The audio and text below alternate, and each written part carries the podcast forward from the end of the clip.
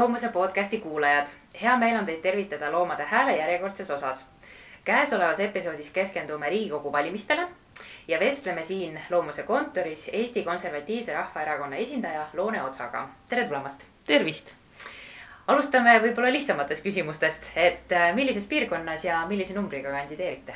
olen piirkond Tartu linn ja minu number on kuus, kolm, üks, kuussada kolmkümmend üks alustuseks siis keskenduks või, või vaataks otsa loomuse valimiskompassi mõnele küsimusele. et ma loodan, et olete näinud neid küsimusi. ma olen neid isegi vist täitnud. väga hea, seda parem et kuna neid on seal kokku äh, viis, aga võib-olla võtaksime paar rohkem äh, nii-öelda tähelepanu alla. võib-olla alustaks ilutulestikust kuidas selles osas tunnetus, seisukoht on, et kas ilutulestik peaks olema rohkem keelustatud, pürotehnika müük rohkem keelustatud, et kuidas mõtled? Olen kirjutanud sellest isegi vanasti artikleid, et loomulikult ilutulestik esiteks reostab ta atmosfääri, teiseks tõesti on jube vaadata ja näha neid linde, kes siis hakkavad metsikult tiibadega peksma. ja noh, iseenesest teeb ta nagu halbu assotsiatsioone, eriti praeguses ajas, kui meil on siin väga palju inimesi, kes on tulnud ära sõja eest ja kui need sõja eest tulnud inimesed siis peavad kogema selliseid suuri pauke ja suitsu ja tuld, mida mm -hmm. nad võib-olla kodumaal on ka näinud, et kindlasti see ei ärata neis meeldivaid assotsiatsioone.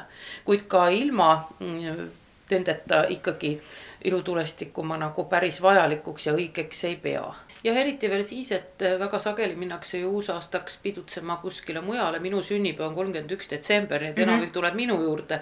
aga siis näiteks nende koerad jäävad üksi koju ja mul on väga hea meel, et mitmed mu sõbrad ongi öelnud, et mina ei osale sellel päeval, vaid mm -hmm. tulen hiljem.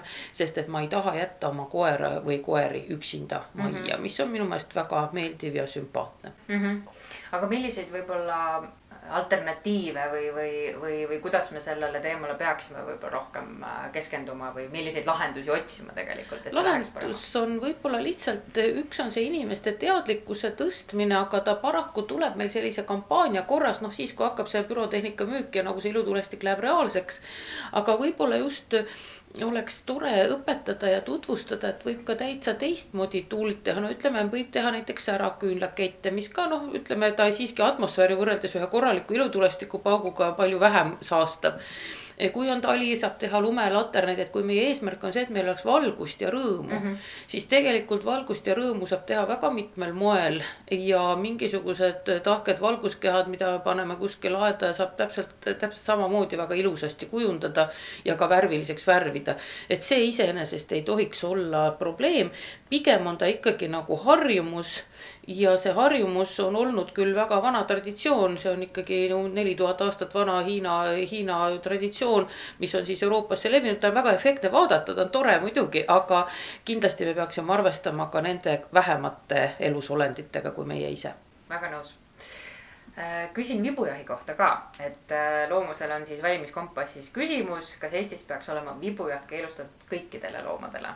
no siin tegelikult taga oleks suurem filosoofia, et kui vajalik on meile jaht väga tublisid ja toredaid jahimehi tundes ma ütleksin, et noh, ma kuidagi saan aru nende vaatenurgast. ma isiklikult jahti ei peaks, meie pereliikmeid on mitmeid kordi jahile kutsutud, me ei ole sinna läinud, jaht oli kahtlemata just nimelt vibujaht oli täiesti õigustatud neljateistkümnendal sajandil. kui need loomad, keda püüti, siis tõesti ka ära söödi ja neid oli nagu tarvis, et inimesed ei jääks nälga no Eestis on olnud palju kordi nagu niisugust olukorda, et me oleme nagu kellegi jaoks mingi platsdarm.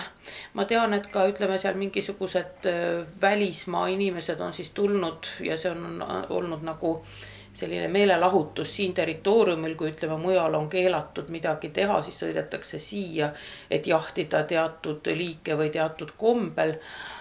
noh, kas jaht üleüldse on tarvilik, see on minu subjektiivne arvamus ja ma ei esinda praegu ühtegi erakonda. Ehm, jah, ma ise nagu tänapäeval arenenud ühiskonnas jahist kui nähtusest ei saa hästi aru. ja kui me räägime, et me reguleerime loodust või et noh, et mingit loomaliiki on liiga palju, siis ma muidugi mm, olles jälginud materjale ja, ja nagu seda asja ka õppinud et kuna mul on tõesti esimene Eesti loomakaitsekoolitaja diplom Austriast omandatud, siis tõesti uuringud näitavad, et päris päris nii see nagu ei ole, et loodus reguleerib ennast tegelikult ka natukese aja pärast ise, et kui mm. me hakkasime andma rebastele marutõve vastaseid ravimeid ennetavaid, siis tõesti tekkis see rebaste kärntõbi küllaltki kähku, et lihtsalt tuli teist liiki haigus mm. -hmm. et noh, et seda ühte liiki ei paljuneks lõputult maa peal mm. -hmm. et võib-olla loodus ise reguleeriks mm. samas noh, küsimus, küsimus jah on, et kui ma lähen oma maakoju, mul on Lõuna-Eestis talu et seal on ikka seda, et seal on ikka see kartulipõld, tõesti sõna otseses mõttes kartulipõld, et mul ei ole vaja seda kunagi künda, sest metsanuitsud teevad selle töö minu eest ära. ja kui ma nüüd mõtlen inimest, kes on need kartulid sinna maha pannud ja neid hooldanud suvi läbi ja siis sügisõhtul tuleb tuleb nagu mets ja kari sinna peale, keerab selle pasmase ringi, eh, siis ma saan ka temast aru, et ta mõtleb, et ehk on neid liiga palju. aga vähemalt ma võin öelda, et mulle on pakutud paar korda kobraste hävitamise toetust minu talule kuuluval jõel. Neid on seal tõesti palju mm -hmm. ja ma ei ole seda toetust võtnud, mistõttu jah, ma olen kahjustanud teatud määral oma krunti, aga vähemalt ei ole elusolendeid siis suunanud kedagi tapma elusolendeid mm. -hmm. jah ja noh, vibujahi kohta võib-olla veel öeldes, et noh, see tõesti. see ei surma väga tihti looma, vaid see vigastab teda ja, ja harrastada sellist eh, nii-öelda sporti või siis hobi tegelikult eh, noh, minu silmis isiklikult ei ole kuidagi põhjendatud, et. Eh, jah, sama on mitmete lõksudega püüdmisel ja. ja üldse neid võimalusi, kuidas siis loom sureb piinarikkalt või, või läheb selle lõksuga kuskile ära surema, aga just, et see asi ei toimu momentaalselt ja kiirelt, et siis ta muidugi nagu, nagu õiglane ei tundu looma suhtes mm,. räägime koduloomadest ka, et ähm mõtleme siis lemmikloomadest pigem, et. jah, äh, põllumajandusloom või lemmikloom, lemmikloomadest. jah, just lemmikloomadest, et, et selle kohta on ka siis äh, küsimus äh, meil valimiskompassis, et äh, kas peaks kehtestama positiivse nimekirja loomaliikidest, keda siis äh, tohib pidada lemmikloomadena noh, ühest küljest meil on väga liberaalne ühiskond, me lubame suhteliselt palju inimestele, et nad ise nagu valivad, ise teevad ja ise otsustavad mm. -hmm meil on kindlasti teemasid, mida peaks reguleerima ja kas nüüd riiklik regulatsioon öö, oleks, oleks mingi põhjus, miks eksoote enam ei peetaks, ma arvan, et põhiliselt on juttu sellest, et teatud loomaliigid on kasvatatud noh, nagu lemmikloomaks, ütleme, et meil on Chihuahua koerakene, et ta ju looduses ellu eriti ei jääks, et tema on siis nagu meie lemmikloom. või kassid on inimesega koos elanud. nüüd küsimus on nendest loomadest, kes on tegelikult metsloomad, noh, seal on näiteks tuhkrud või siis on on eksoodid, noh, iguaanid, mitut liiki maod, keda siis tuuakse, noh. ka Loomakaitse Seltsi liikmetel on olnud tegelikult kodus madusid, keda noh, seal püütonid pead, et lihtsalt tal ei ole kuhugi minna, siis nagu sa pead seda püütonit mm. -hmm. ega need loomad noh kui me neile loome head tingimused, iseenesest ei ole, ei ole noh, midagi väga vastuolus, et tal on tingimus. looduses oleks tal kindlasti parem, aga kuna looma ja lemmiklooma pidamine on kasvanud muljetavaldavaks tööstuseks, et on tohutu suur tööstus, mis siis toodab alates loomadest endist, sõna otseses mõttes toodab ja lõpetades siis mitmesuguste tarvikute ja asjadega, mida loomal üldse võib-olla ei ole vaja, mingiks roosaks värvitud naftast tehtud kummi ja plasti plastmassloomad, mis teevad imelikke hääli, et noh. põhimõtteliselt loomadel ei ole vaja sellist mänguasja, ta saaks tegelikult hakkama ka kepi ja kondiga mm.. et see tööstus on hästi suur ja tõesti ongi nii, et kümnete põlvkondade kaupa on teatud loomad noh, juba olnud nagu vangistuses peetud ja et siis nad ongi nagu aretatud sellisteks loomadeks. Mhm. kas neid nüüd pidada, vot siit tuleb tegelikult väga väga tähtis küsimus. et riik ju tegelikult on kehtestanud teatud loomapidamisnõuded, Veterinaar- ja Toiduamet peaks selle järele valvama. olles olnud praktiseeriv loomakaitsja ja ma ei usu, et see asi oleks nüüd hullusti palju muutunud. siis eh, riiklik järelevalve seal ei saa kohe kuidagi toimida. väga lihtsal põhjusel, sest meil on põhiseaduslik õigus eluaseme puutumatusele me ei saa minna sinna sisse juhul, kui ei ole noh, siis tõesti nagu teatatud kuriteost looma suhtes lubamatust teost, looma ju tõesti vigastamised, kui tegu on juba toimunud, aga kui me samas peame noh, koera eh, liiga lühikese keti otsas aastaid, siis see ei ole just nagu kuritegu, et seda nagu järele jah, see on nagu ütleme, et me saaksime seadusest leida pügalaid, aga selleks me peaks selle koera üles leidma, tõendid koguma, tegema fotod, leidma tunnistajad, et see oli päevade ja aastate kaupa nii ja vot siis me saaks midagi teha. aga ütleb noh põhimõtteliselt on ju nii, et meil on äh, teatud äh, hoiakud ju ikkagi olemas, spetsitsism, mis siis tähendab nagu sellist liigirassismi, et inimesed ikkagi hoolivad äh, nagu noh, eeskätt inimestest. Ja kui sul on piiratud ressurss kedagi süüdistamata, süüdistamata Veterinaar- Toiduametit, süüdistamata politseid, nad teevad oma tööd. Nad juhinduvad ja lähtuvad seadustest. Ja kui nüüd neil on järjekorras kümme kuritegu ja üks nendest on looma suhtes lubamatu tegu, siis kindlasti tekitavad nad hierarhia ja lähevad enne appi lapsele, ma teeksin ise täpselt samamoodi. Nii et küsimus on pigem ikkagi ühiskonna hoiakute muutumises ja kujundamises ja selles, et et inimesed ka, ka need, kes on lihtsalt julmad või lihtsalt tõesti niisugused värrastunud mõtlemisega, et nad kogevad karistamatust, et kui sa oma kassil lõikad saba maha kodus, siis mitte keegi sellest ei kuule ega näe peale seltskonna, kes seda teeb ja sellest rõõmu tunneb. ja karistamatus on tagatud, sest keegi ei saa teada väga harva, kui saadakse. ja vot see järelevalve küsimus jah, ongi, et ja just ikkagi me ei saa panna iga loomapidava pere juurde politseinikku, küll aga me saaksime palju rohkem võib-olla anda koolis aega loomakaitsele mm. -hmm. omal ajal kui me asutasime Eesti Loomakaitse Liitu, olen uhke, et olen selle asutajaliige ja ka Loomakaitse Seltsi juhatuses olen olnud päris kaua. et siis ikkagi oli suur võitlus sellega, et saaks riiklikku õppekavva sisse ühe ainsa sõna loomakaitse sest ilma selleta noh, meile nagu vastu öeldi, et pole mingit põhjust, sest on ju looduskaitse seal sees, et sinna alla käib ka loomakaitse.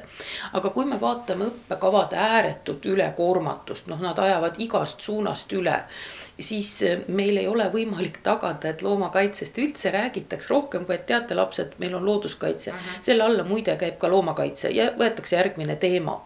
et ikkagi see teema peaks minema süvitsi ja ma isegi arvan, et ta ei peaks olema võib-olla bioloogia teemal, vaid ta võikski olla inimeseõpetuse teemal, sest inimene, kui ta kohtleb hästi loomi, ta kohtleb hästi ka inimesi.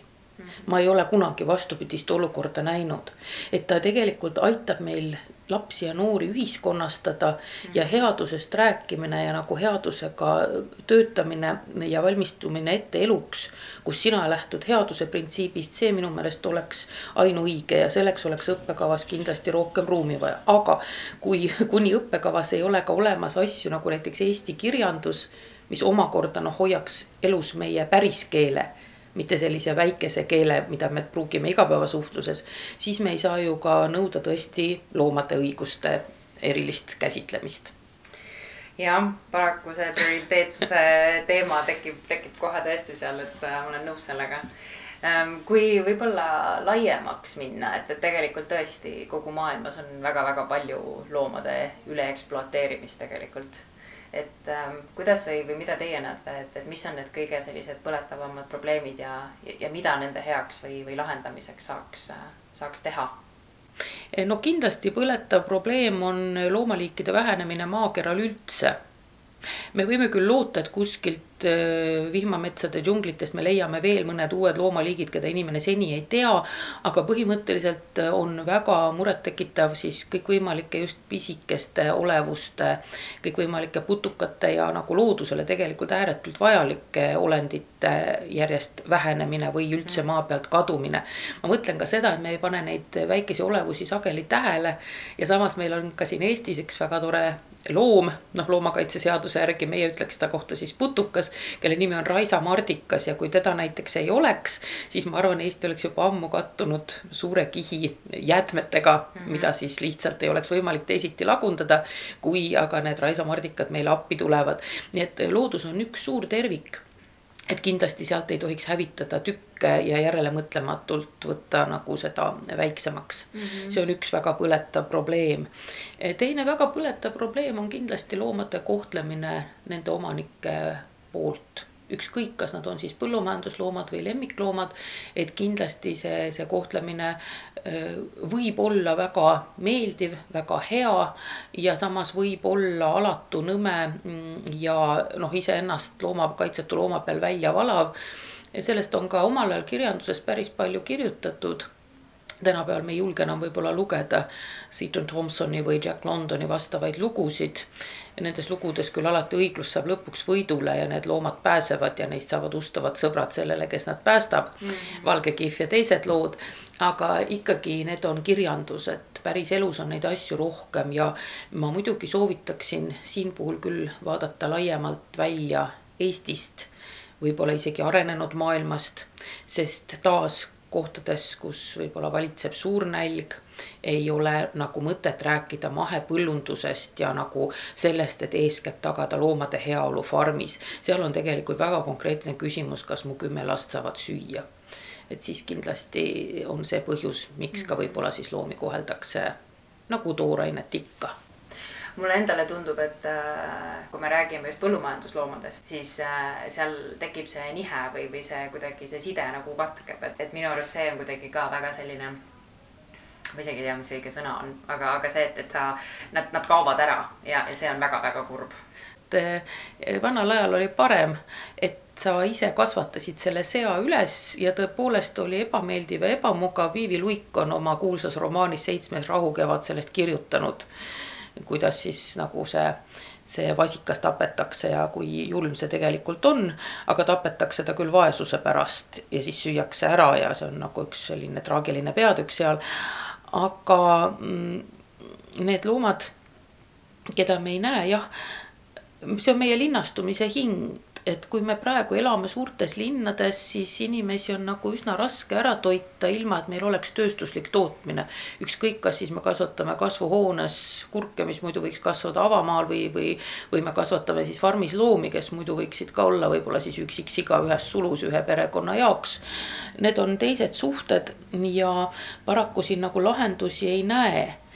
kindlasti on praegu tulnud rohkem mm, vegetaare ja lausa veganeid samas on küsimus ikkagi selles, et meie ühiskond on liiga vaene. et hakata mõtlema alternatiivsele toitumisele, täpselt seesama efekt.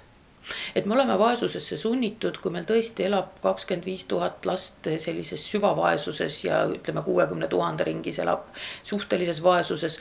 siis ikkagi mm, me ei saa hakata ütlema, et sööme mahetoitu, mis on tunduvalt kallim või läheme üldse üle näiteks tõesti vegantoidule.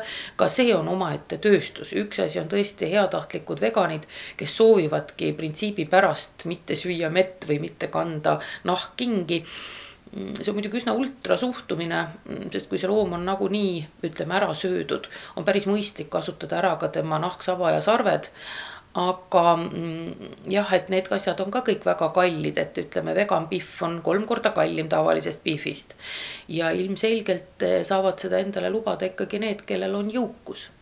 nii et ma arvan, et ühiskonna vaesus on üks suur põhimõte ja põhjus, miks ei ole, mm, ei ole siis nagu sellist mm, noh, parimat võib-olla me põllumajandusloomade jaoks saavutanud ja teine asi on just seesama linnastumine sest kui inimene elab maal, ma vaatan oma maanaabreid, ta ikkagi hästi suure osa toitu kasvõi tõesti lusti pärast kasvatab endale ise. noh, see ei ole raske, sa tõesti paned selle toidu maha, nopid ta üles ja seal on noh, kuidagi hoopis teised suhted ja, ja need, ütleme ka need loomad, keda siis süüakse, tuuakse ka kuskilt nagu oma noh, ülejärgmisest talust ja et seal on noh, et ahah, et täna läks lammas, et kas sa ka tahad tükki ja, ja kuidagi läheb niimoodi. see asi on nagu teisel põhimõttel kas, äh, kui, kui nüüd Eesti tasandil võib-olla ka sellest looma õigluslusest rääkida, et kas on veel mingid teemad, mis, äh, mis muret tekitavad või, või panevad, äh, panevad kurbust tundma teid? ikkagi tekitab võib-olla muret see loomade äh, noh, Eestis ikka veel nagu väga vähene, vähe levinud loomade steriliseerimise küsimus. -hmm.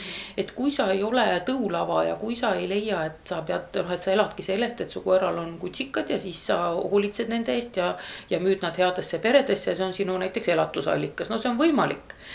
muidugi mitte sellise koerte või kasside vabriku kujul, nagu me siin aeg-ajalt televisioonist näeme, neid vabrikuid on kindlasti ka rohkem, aga et loom ei saaks järglasi, noh, tema elus mul on endal olnud päris mitmeid loomi enamus neist varjupaigast toodud loomad, kus nad juba antaksegi välja sellisel kujul, et nad ei ole enam, et nad on juba kesksoost. ja ikkagi ma ei näe nagu väga suurt vahet ei isiksuses, ei käitumises kastreerimata kastreeritud või steriliseerimata, steriliseeritud koera või kassi vahel. nii et võib-olla selleks, et ei tekiks neid soovimatuid loomi, keda siis A peab hukkama, noh, see on ikkagi päris, päris karm tegu või noh päris jäle tegu tegelikult, kui sa peaksid hukkama loomi. no kujuta ette, et sa võtaks oma lapse ja paneks ta keevavee ämbrisse, no sa ei teeks seda. on küll sündivuse reguleerimiseks tehtud, aga mitte meie kultuurides. ja samamoodi loomadega, et milles on siis nemad süüdi, et kassid tuleb merekooli viia ja teine variant, et siis sa pead neid noh, esimese pesakonna jagad sõpradele, teise võib-olla ka veel kuidagi sõprade sõpradele, kolmanda paned sa lihtsalt tänavale. ja just nimelt, et sa ei ole oma käega neid tapnud, et sul on nagu endal jube hea tunne. tegelikult need kiisukesed või siis kutsukesed elavad piinarikast elu, nad ei ole harjunud ise toitu saama. ja sa siis nagu lased nad lahti, noh, kuni nad kellegi saagiks langevad, autole jäävad, satuvad halva inimese kätte või külmuvad surnuks, seni nende elu on hästi jube nii et noh, sellist asja ka ei soovitaks, nii et kindlasti see inimeste teadlikkus ja võib-olla teatud abi omal ajal Loomakaitse Seltsiga me siis vahendasime neid võimalusi, kuidas, kuidas siis teha selliseid operatsioone mm. -hmm. häda oli muidugi hulkloomadega, et need hulguloomad, kellel ei olnud pererahvast, et nad pidid ju pärast kuskil hoopis toibuma, siis me lõime ka võrgustiku heatahtlikest inimestest, kes siis olid nõus seda võtma enda juurde, neid, neid loomi pärast oppi ja neile siis väikest taastusravi võimaldama. et kõik on võimalik, aga see taas eeldab entusiaste ja ikkagi väidan, et teatud otsused, mis on jäänud tegemata, noh, tuleks, tuleks nagu siis palju, palju täpsemini jälgida nende heaolu, kes saavad iseenda eest vähem seista. on nad siis loomad või lapsed või erivajadusega inimesed, siis ikkagi see oleks väga oluline mm. -hmm Mm, üks võib-olla viimase aja aktuaalsemaid äh, teemasid, noh just nagu loomuse seisukohast ka, on öösihikute kasutusele võtmine siis. kui palju selle teemaga olete kursis, äh, uurinud seda? ma ei sellest? ole seda teemat uurinud, aga ma kujutan ette, millest te räägite, noh ongi küsimus, et kui me oleme ühiskonnas aktseptinud, et ütleme, metsajaht on lubatud ja et metssigasid on nagu ülearu palju ja seda populatsiooni tuleb nagu reguleerida. või on ta siis mingi muu populatsioon, näiteks Rootsis eh, on eh, maaomanikel kohustus teha põdrajahti, et põtru poleks palju, et nad ei kahjustaks metsi. no nüüd on küsimus jälle ikkagi selles, et kui see jaht toimub öösel noh, et, et ongi nagu selle jahi aeg on pime aeg ja kui meil siis on küsimus, et kui me nüüd aktseptime seda jahti, et kas me tahame, et see loom hukkuks siis kiiresti ja valutult ja me sihikuga saame selle tagada, et tšah, saame nagu lasta ja me tabame sada protsenti ja see loom ei kannata. siis nagu isegi oleks see asi põhjendatud. kui nagu umbropsu niimoodi pimedas mingit kogu lasta kuhugi. et, et võib-olla looma suhtes oleks see isegi parem. et me peaksime lähtuma siis sellest uuringust või, või mingist analüüsist, et mis on loomale kõige parem. mitte noh, konkreetselt sellest sihikust, vaid ikkagi sellest loomast, kes on sihtmärk. Mm. Jah, noh, praegu, miks, miks see teema nii aktuaalselt võib-olla nagu ka meie lauale jah, on tulnud, on, on see, et, et see kuidagi väga kiiresti tahetakse see läbi suruda ja just ei, ei toodagi välja argumente või, või fakte no mingid, mingid asjad on nagu noh, matemaatikas me hakkame midagi tõestama, ütleme, et vot selle alus on aktsioom, et need on asjad, mida me ei tõesta. et noh, ma arvan, et siin vist on lähtutud siis sellest looma heaolu mõttest, et kuidas on võimalik val valutult tappa, kuna jaht meil tõesti keelatud ei ole. et võib-olla sellest ja mingeid analüüse sinna juurde tellida, noh, survegrupid on ju olemas, et eh, MTÜ-d praegu on teinud head tööd et eh, siis loodame, et see lahendus, ükskõik milline ta tuleb, tuleb kõige parem eh, jahialustele loomadele. enne kui ma oma viimase küsimuse küsin, et, et kas on omalt poolt midagi, mida, mida tahaksite just loomakaitse või, või looma, loomade heaolu seisukohast võib-olla välja tuua või ära mainida? ma tahaksin ikkagi kõigile öelda, et kuna me rahvastik, enamik rahvastikku elab suurtes linnades või väiksemates linnades, aga igatahes me oleme Eestis juba paraku üsna, üsna palju linnainimesed. et siis tahaksin panna südamele, et enne kui me oma lapsele kingime kutsika või kiisu või sõbrale sõbrapäevaks tibupoja, et palun mõtleme enne väga tugevalt läbi, kas meil või sellel kingi saajal esiteks noh, looma ei kingiks kindlasti inimesele, kes ei teagi, et talle tuuakse loom. aga teiseks, et kui me oma perre võtame, et laps on äh, väga, tahaks koera, palun mõtleme väga tugevalt läbi, kas meil on äh, esiteks raha, et tagada talle hea ja õige ja tasakaalustatud toit, et käia temaga arstil, teha vaktsiine. teiseks, kas meil on aega, et selle loomakesega tegeleda, mitte et ta on meil rõdul ja ulub nukrusest. et me jätame ta kümneks tunniks päevas üksi, et me ei jaluta temaga ja et siis mõtleme ka selle läbi, kas meil on piisavalt selle looma jaoks ka tulevikus armastust, kui see esimene nunnumeeter maha käib. et kas me oleme teadlikud, et kaksteist aastat elab koer, võib-olla kakskümmend kassike ja et me kõik see aeg tahame. kui me sellele kõigele vastame ja, siis me saame eluks ajaks väga-väga hea sõbra, sest inimene võib teist inimest reeta, aga loom armastavat peremeest, perenaist ei reeda iialgi mm. -hmm.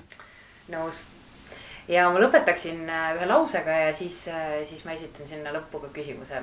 Äh, loomad elavad maailmas inimestega koos, mitte inimeste jaoks kuidas seda arusaama rohkemate inimesteni me saaks viia?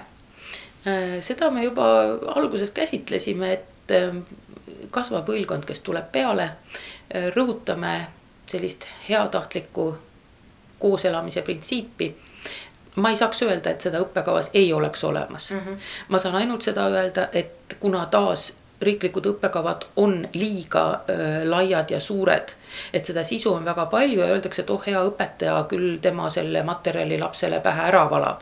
aga pea ei ole lehter, kõik asjad, mida me tahame jätta mällu, peavad tulema läbi tunnetuse ja selleks on vaja aega, suhtlemist, arutelu ja, ja just seda, et see on mul kogu aeg peas, mitte selleks konkreetseks tunniks neljapäeval, ma teen kontrolltöö ära ja unustan selle, et me elame loomadega koos, mitte loomad meie jaoks mm. -hmm. suur aitäh ja edu valimistel.